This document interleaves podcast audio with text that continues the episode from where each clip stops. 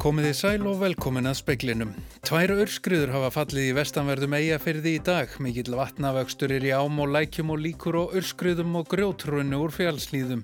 Fórseti Alþingi segir að fyrirleiki undirritað samkómulagum afgreðslu þriðja orkupakkans. Máli verður rætt á fundi þingflokksformana á morgun. Háransóknarstofnun og breski miljardamæringurinn Jim Radcliffe skrifuð undir samkómulagi í dag um að Radcliffe fjármagni umfangsmikla rannsóknar á ætlun í samvinnu við stopnunina. Orkumálastjóri segir að erfitt sé að sjá fyrir sér að hér á landi verði reist vindorku vera á næstu tíu árum eða verða að fara í gegnum ramma á ætlun. Bandaríska dómsmálaráðunetið og alríkislauruglan FBI rannsaka dauða bandaríska miljardamæringsins Jeffreys Epsteins sem talin er hafa sveitt sér lífi í fangaklefa í New York á laugardaginn. Umsjónamaður Speilsins er Pálmi Jónasson. Gulviðvörun er í gildi vegna veðurs á ströndum og Norðurlandi vestra spáðir úrheldlis regningu á norðanverðum ströndum og norðanverðum tröllaskaga í fljótum til Siglufjörðar en slittu til fjalla. Því má reikna með vatnavöxtum í ám á lækjum og hugsanlega örskriðum og grjótrunni úr fjallslíðum. Fólk er hvað til þess að reynsa vel frá ræsum og niðurföllum, segir veðustofan. En Bjarni Rúnarsson, frettamæður, hefur fylst með þessu í dag. Já Bjarni, hvernig er staðan? Já, staðan er svo að það hafa fallið, eins og þú segir, öskriður á nokkur stöðum á Norðurlandi í dag. Uh, ég fór út með eigafyrði vestanverðum núna setnipartinn og þar hafa fallið tvær öskriður við bæina Kjarna og Skriðurland úr hlýðum Reistarárfjáls og þær eru á bylnu 70 til 100 metra breyðar. Ekkert mjög þykkar verist vera en þess fyrir utan eru lækir og skurðir við að barma fullir af vatni og flætti meðal annars um tíma yfir veginn eh, við bæinn Kálvaskinn utar í eigafyrði. Það er sérstaklega á leiðinni til Dalvíkur. Nú á Syklufyrði og Ólafsfyrði hefur þurft að dæla vatni úr kjöllurum og eitthvað eignatjón hefur orðið þar á hýpilum fólks. Svo fengum við fregnir af því setnipartir í dag að í Vastal í austur Húnavarsíslu hefðu einnig fallið öskriður úr Jörundarfelli og núna á sjötta tímanum heyrði ég í einari svafasinni bónda á Hjallafelli og spurði hann hvort að það hvort það væru allir skurðir og lækir teknir að fyllast. Þetta er allt orðið full og hérna lálendið að allir skurðir og fullir og þetta er, þetta er nú oft svona þegar búin að vera miklu þurkar og ef það gerir svona mikla rikningu þá eru mest að hættan á, á, á skriðuhöllum yfir fjallina, einhvern veginn svona laus jarðvegurinn og, og vatni kemst neyra á milli. Þetta var Einar Svafarsson bóndi á Hjallalandi. Uh, hann sagði að ekki hefði orðið tjóna búfjuna eins og vita sé en það mun koma í ljós þegar að stittir upp. Eh, við munum áfram, áfram fylgjast með þessu og flytja frettir af, vass, af þessu vassveðri. Takk fyrir þetta, Bjarni Rúnarsson. En fórseti alþingis segir að fyrirliki samkómalag sem hafa verið undirritað hátilega um það hvernig þingfundum um þriðja orkupakkan verði háttað í lok þessa mánadar. Hann hverst ekki eiga von á neinum leiðindum þegar þetta fyrirkomulag verður rætt á fundi þingflokksformana á morgun. Samkvæmt upplýsingum fréttastofu stendur til að ræða þingsálöktunartilögu utaringis ráþera um þriðja orkupakkan miðugudaginn 28. ágúst. Hinn þrjú málinn sem snúað orkupakkanum verða síðan rætt 5. daginn 29. ágúst. Ekki gert ráð fyrir að þingfundinir standi langt fram á kvöld. Atkvæða greiðsla um þriðja orkupakkan verður síðan mánudaginn annan september. Formenn þingflokkana hittast á fundi á morgun þar sem þetta fyrirkomulag verður rætt. Stengrumur Jóð Sigfússon, að vona á neinum leiðendum þar. Samkómulag hafi verið undirritað hátíðlega áður en þingið fór í sumafrí. Hann gangi út frá því að menn standi við orð sín. Miðflokkurinn hefur barist gegn innleiðingu þriðja orkupakkans og helt upp í málþófi gegn honum á síðasta þingi. Umræðan um orkupakkan er svo lengsta í sögu altingis og töluðu þingmenn miðflokksins í rúmar 110 klukkustundir. Málið hefur sömulegis verið umdelt innan sjálfstæðisflokksins. Þar er hafinn undirskriftarsöfnun um atkvæðagreislu um þriðja orkupakkan. Miðstjórn sjálfstæðisflokksins er skilt að láta fara fram almenna kostningu meðal flokksmanna ef yfir 5.000 félagsmenn krefjast þess. Freyrki og Gunnarsson sagði frá. Hafrannsóknarstofnun og breski miljardamæringurinn Jim Radcliffe eh, skrifið undir samkómulag í dag um að Radcliffe fjármagni umfangsmikla rannsóknar áætlun í samveinu við stofnunina. Markmiðið er sagt vera að íslenskar lagsveiði ár verði áfram þær bestu og sjálfbæristu í heimi. Kostnaðurinn við rannsóknina verður um 80 miljónir króna. Í tilkynningu sem fulltrúi Radcliffe sendi fjölmiðlum í morgun kemur fram að rannsóknar áallunin eigi að styðja við vernd norður Allandsafslagsins í ám á norðausturlandi. Dómstóli í Suður Afríku kom í dag í vegferir að formaði nefndar sem rannsakar spillingu í landinu gefið þinginu fyrirmæli um að áminna Cyril Ramaphosa forsetta. Ramaphosa og formaðurinn Búsi Seve Mkvebane hafa delt hart frá því að hún sakaðan um að hafa með ráðum huga gefið þinginu rángar upplýsingar um fjáröflun til að kosta baróttu hans fyrir því að verða forseti afríska þjóðaráðsins, stjórnarflokks landsins árið 2017. Spillingarnemndin byrti skýrslu um máliði síðasta mánuði. Þar krafðist MKVBane þess að þingið greipi til aðgerða gegn fórsetanum fyrir að hafa brotið séðareglur og að hann byrti undan braða löst til lista yfir alla sem lagðunum fjö í kostningabaráttunni. Ramaphosa leitaði til domstóla til að fá kröfunni nekt tímabundið þar sem hann hegðist áfríja nýðurstöðum nemndarinnar. Þær varu gallaðar í grundvallaratriðum. Domstóli Pretoriu félst í dag á beðinir af Mafósa. Hörð valdabarátta er um þessar mundir í Afríska þjóðaráðinu. Cyril Ramaphosa og stöðningsmenn hans saka um Kveipani um að ganga erinda pólitískra andstaðinga fórsetans. Þeir eru engum stöðningsmenn Jakobs Zuma, fyrirvenandi fórseta. Hann var knúin til þess að segja af sér vegna fjölda spillingarmála sem komu upp í stjórnartíð hans. Áskir Tómasson segði frá. 60 starfsmenn frá 30 verktakafyrirtækjum hafa bóða komu á kynningafund vegna viðhaldsverkefna og örgisvæðina á keflaukurflugvelli samkvæmt upplýsingu frá landhelgi skesslunni. Verkfræðistofnun bandaríska hersins í Evrópu stendur að fundinum í samvinnu við utanríkisráðuneytið og landhelgiskessluna. Viðamiklar framkvæmdir standa til á öryggisvæðinu. Það er í þremur liðum og áætlaður kostnaður um 6,2 miljardar króna. Bandaríski yfirvöld fjármagna þessar framkvæmdir og ætla einungis að semja við íslensk og eða bandarísk fyrirtæki. Í haustega hefjast framkvæmdir upp á 3 miljardar króna.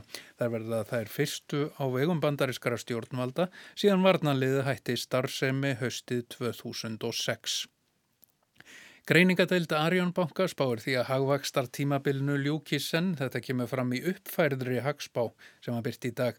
Fyrir spá orsins var byrt í mars en í henni var gert ráð fyrir töluverðum tekju samdrætti í ferðarþjónustu.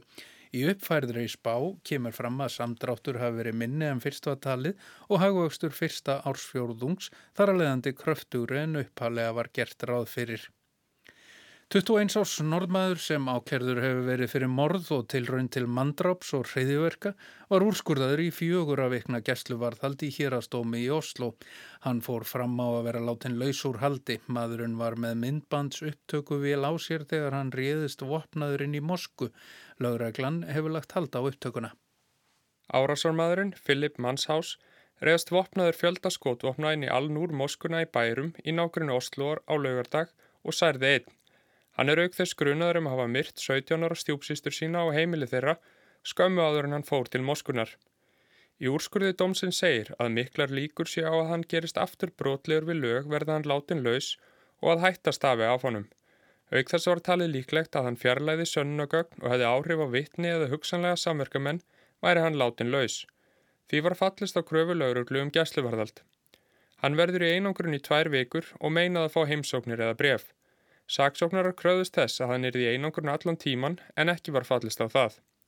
Lögmaður árásarmannsinn segist hafa búist við þessari niðurstöðu en skjólstæðingur hans hefur ekki játað brot sín eða gefið lauruglu neinar upplýsingar við yfirheyslur.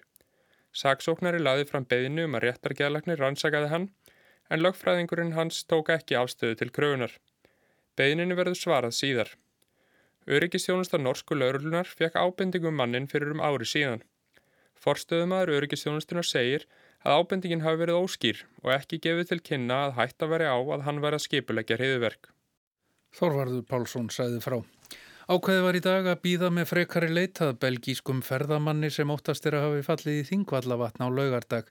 Lauraglann á Suðurlandi ætlar að metta stöðuna í fyrramálið. Til skoðunar er að kafarasveit frá sérsveit ríkislauruglustjóra kafi niður að intæki við Stingrimstöð.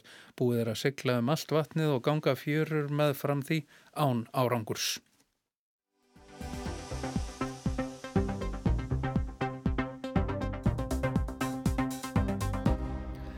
Orkumála stjóri segir að erfitt sé að sjá fyrir sér að hér verði reist vindorku vera á næstu tíu árum hefð þau verða að fara í gegnum ramma áallun. Sviðstjóri hjá sambandi Íslenskra sveitafélaga segir að sennilega sé óráð að setja minni vindorku veri í ramma áallun. Með góðu regluverki og leiðbeiningum geti sveitafélagin sjálf tekið ákverðunum uppbyggingu vindorku vera. Vindmjölum hefur fjölga hratt í nákvæmlandum okkar. Langtir síðan að Danir settu áherslun á vindorkum. Í lok síðast ás voru tæplega 5.000 vindmjölur þar í landi og samanlagt afl þeirra er yfir 6.000 megavött. Heildara raforkuframlistan hér á landi er um 2.800 megavött. Vindmjölum hefur líka fjölga hratt í Svíþjóð og Nóri. 36 vindmjölugarðar eru reknir í Nóri með framlegslu getu yfir 1700 megavött sem nægir til að uppfylla raforku þörfi 340.000 heimila. Í Skotlandi er uppsett vindorku afli yfir 6500 megavött. Á meðan vindmjölum skýtur upp eins og gorkúlum í Evrópu er aðeins starraktar 5 millur hér á landi, tvær eru við búrferðsvirkjun, tvær í Þykvabæ og eini í Leirásveit. Hins vegar berja margir að dyrum og vilja reysa hér vindmjölu garda. Tregða í kerfunu veldur því að ekki hægt að afgreða leifis umsóknir. Við erum fyrsta lagi með óvissu í kringum rammaáallun, hvernig þessi verkefni koma þar inn Síðan hefur þetta eh, þriði áfangi rammaðallan ekki verið afgreitur. Þar voru reyndar tekin fyrir tvö verkefni þar sem að eitt fór í nýtingaflokk. Ef að menna þetta lenda í því að þurfa að fara með þessi verkefni gegnum rammaðallun þá er erfitt að sjá fyrir sér hvort að þetta verði á, á næsta áratug. Segir Guðni A. Jóhannesson, orkumálastjóri, þriðji áfangi rammaðallunar var tilbúin 2016 en til að hann öðlu skildi þarf alþingi að afgreðan. Það hefur ekki enn verið gert. Landsvirkjun sóttum að reysa vindmilugarða við blönduvirkjun og búrfellsvirkjun. Garður við blönduvirkjun var settur í nýtingarflokk en hafið við búrfell var ekki samþygt. Ekkert hefur hins vega gerst enn við blönduvirkjun vegna þess að þriði áfáki rammaáallunar hefur ekki enn tekið gildi. Óli Gretar Blöndal Sveinsson, frangvandastjóri þróunarsviðs landsvirkjuna, segir að mikil óvisa séu leifisveitingar fyrir vindorku. Og eins og staðan hefur verið eins og við höfum skilið stöðuna, við höfum skilið sér svo að það þurfum að vindorkuverð þurfum alltaf að fara í gegnum ramma áallun fyrst sem síðan er, eins og sagan segir, hún er afgreitt á fjagra, sex, ég veit ekki, áttara fresti.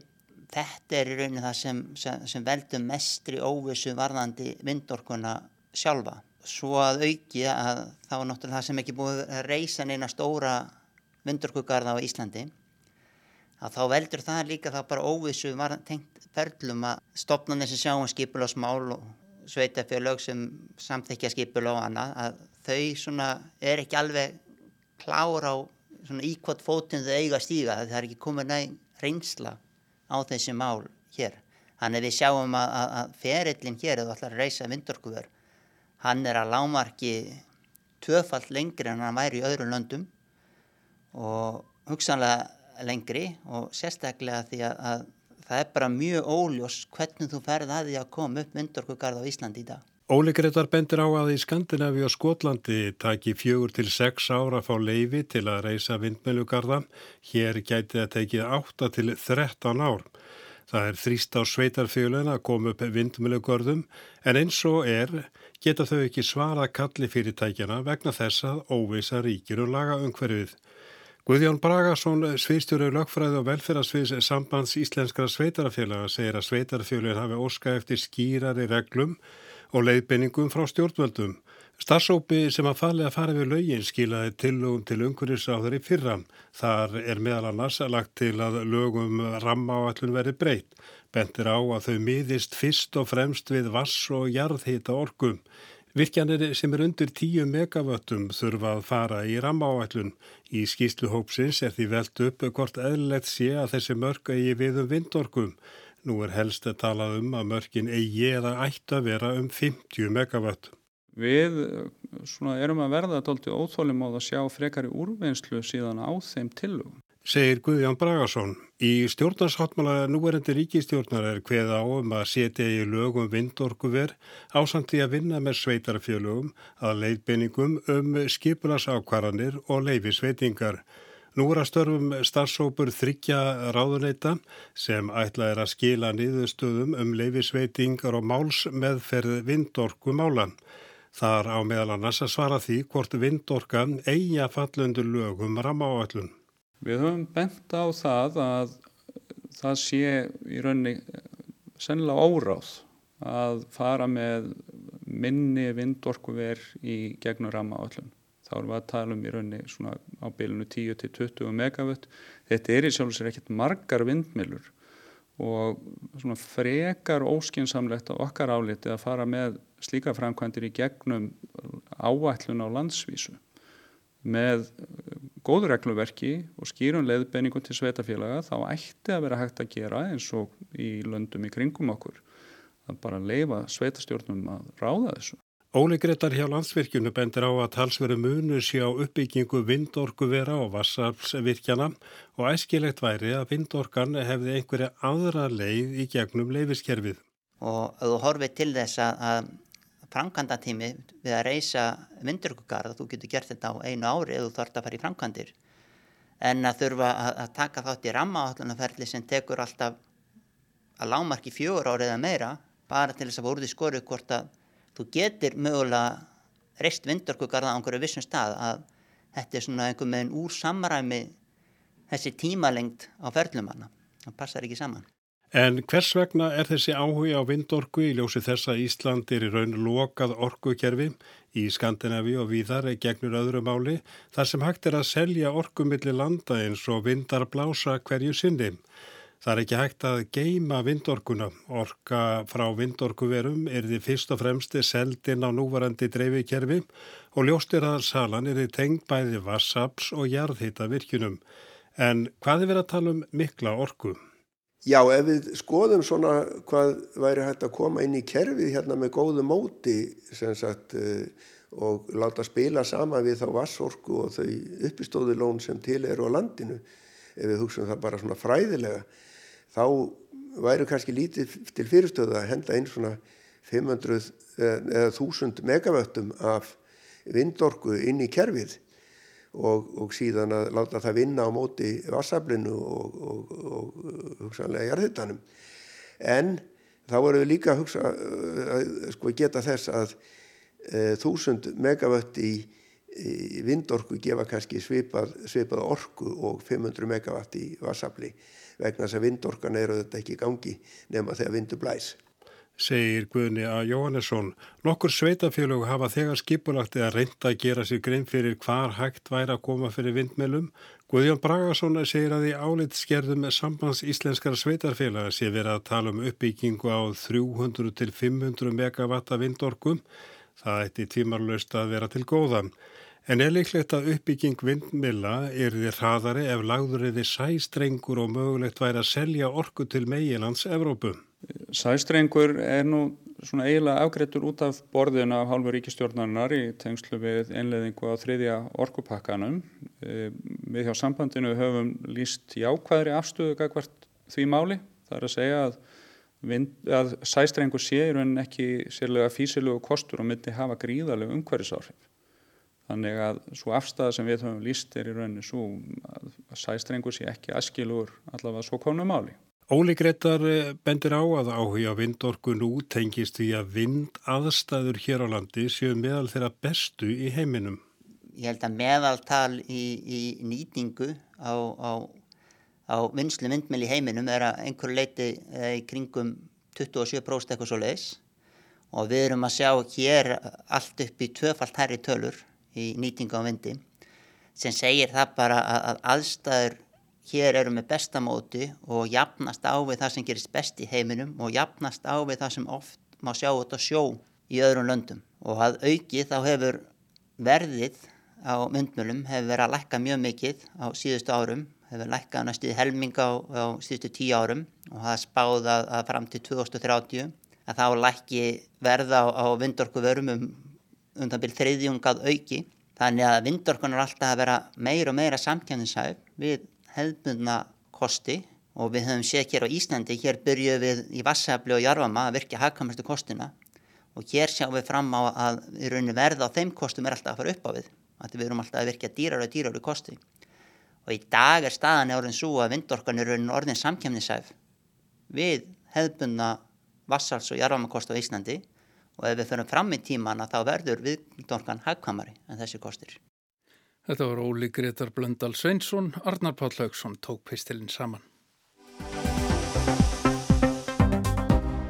Bandaríska dómsmálaráðuneytið og Alríkislaureglan FBI rannsaka dauða bandaríska miljardamæringsins Jeffreys Epsteins sem talin er hafa svift sér lífi í fangaklefa í New York á lögadaginn. Epstein var áskerður fyrir kinnferðisbrot á stúlkum undir lögaldri og mannsal á stúlkum allt niður í 14 ára aldur. Hann reyndi að fyrirfara sér fyrir nokkrum vikum og átti að vera undir sérstöku eftirliti í fangelsinu vegna sjálfsvíkshættu.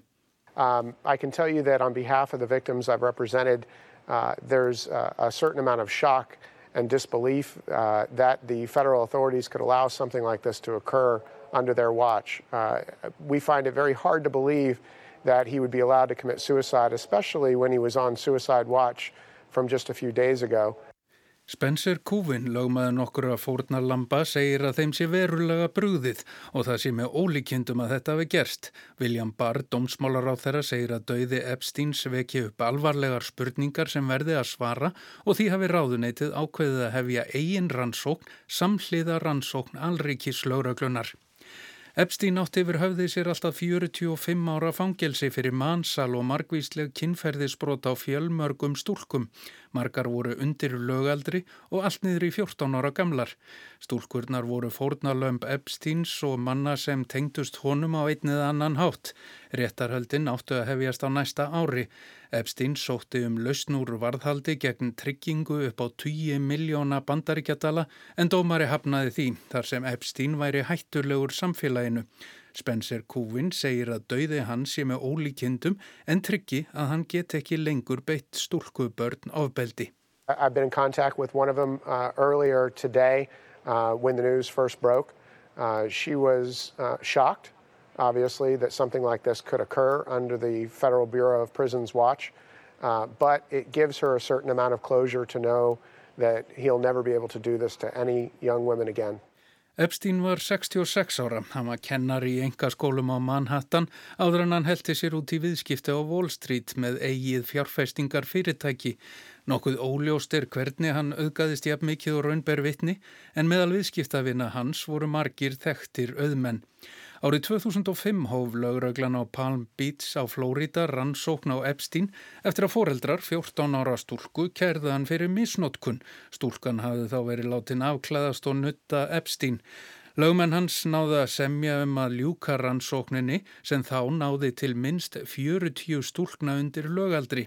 Epstein á fjölmarkar fasteignir sem virðist aðalega hafa nýðst á stúlkonum á gríðar stóru og afgirtu sveita setri sína á Palm Beach. Sá sem samþykti þennan sérkennilega og að var umdeilda samning var Alexander Acosta, þá saksóknari, en síðar ráð þeirra í ríkistjórn Donald Trumps.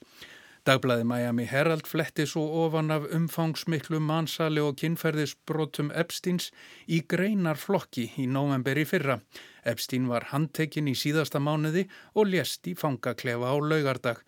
Engin skortur er á samsæriskenningum um dauða hans, enda ljóstað margir samverka manna hans andan úr léttar. Spencer Kúvin segir að málinu sé hverginari lokið, bætur verða sóttar í dánabúið og samverkamenn hans sóttir til saka. Rannsóknmálsins haldi áfram.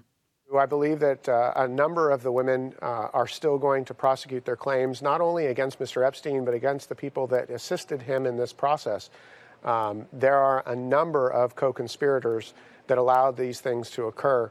Uh, active co conspirators as well as passive that watched what he was doing and said nothing over the years. So, our hope is that the federal authorities uh, go after them as well and continue this investigation even after his death. Það heyrðist yfirlega að Theresa May forsættisar á þeirra breyta væri ósannfærandi leittói útgöngu breyta úr Evrópusambandinu því hún stutti ekki útgöngu breyta úr Evrópusambandinu. Nú er komin forsættisar á þeirra sem klárlega stutti útgöngu og Boris Johnson ætlar ekki að láta ætlunarverkið mistakast. Stefna hans er þó enn óklár en kannski er það með ráðum gert. Þegar stjórnmálaferill Boris Johnson er rifjaður upp núna þegar hann er orðin fórsetisráð þeirra breyta er einn sagan sem alltaf heyrist. Þegar komaði fyrir þjóðratkvæðagreisluna 2016 að hann ákvetti hvort hann stitti útgöngu eða ekki, skrifaði hann tvær greinar. Aðra með útgöngu hinn að móti. Á endanum ákvaðan að vera á móti útgöngu og byrti þá viðandi grein. Sagan er gerðnan söð til marksum að Johnson sé ekki stjórnmálamaður mikillar sannfæringar, hann eigi sér aðeins eitt áhuga mál og það sé hans eigin viðgangur. Stöðningsmennan sæja þetta fjárstæðu, hann trúi innlæglega á batnandi hagbreyta utan Evrópusambandsins. Skortur á réttri sannfæringu á því ekki að verða þrándur í götu núverandi stjórnar á leiðinni úr Evrópusambandinu. Sjálf leiðin er hins vegar enn óljós í baróttunni um leiðtóasætið saðist Jónsson vera tilbúin til samningslausrar útgöngu en líkunar á henni væru aðeins einnamóti miljón.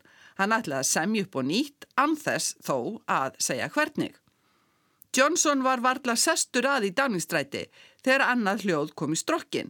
Samnýslaus útganga væri nú sjálfsögð leið ef ESB snýrist ekki hugur um írsku lausnina sem allt strandar á og samnýslaus útganga skrifaðist á algjörlega á reikning ESB sem hundsaði breskar óskir. Sjónarmið ESB er að það hafi þegar verið samið. Brettar síðan ekki brittað upp á neinu nýju og þá heldur ekki nýja stjórnin. ESB hafi þegar komið til mótsvið breyta til dæmis um írskulösnina sem sé sniðin að oskum breyta. Johnson hefur ekki sjálfur reynd að ræða við forraðamenn í Brussel eða leðtöga annara ESB-ríkja nema rétt í síma. Hann hefur ekki þegið bóðum að heimsækja diblinni til að ræða við Leo Varadkar, fórsætsráðari Íra, nýja bóðið Varadkar í heimsók. Þeir hafa þó rætt saman í síma.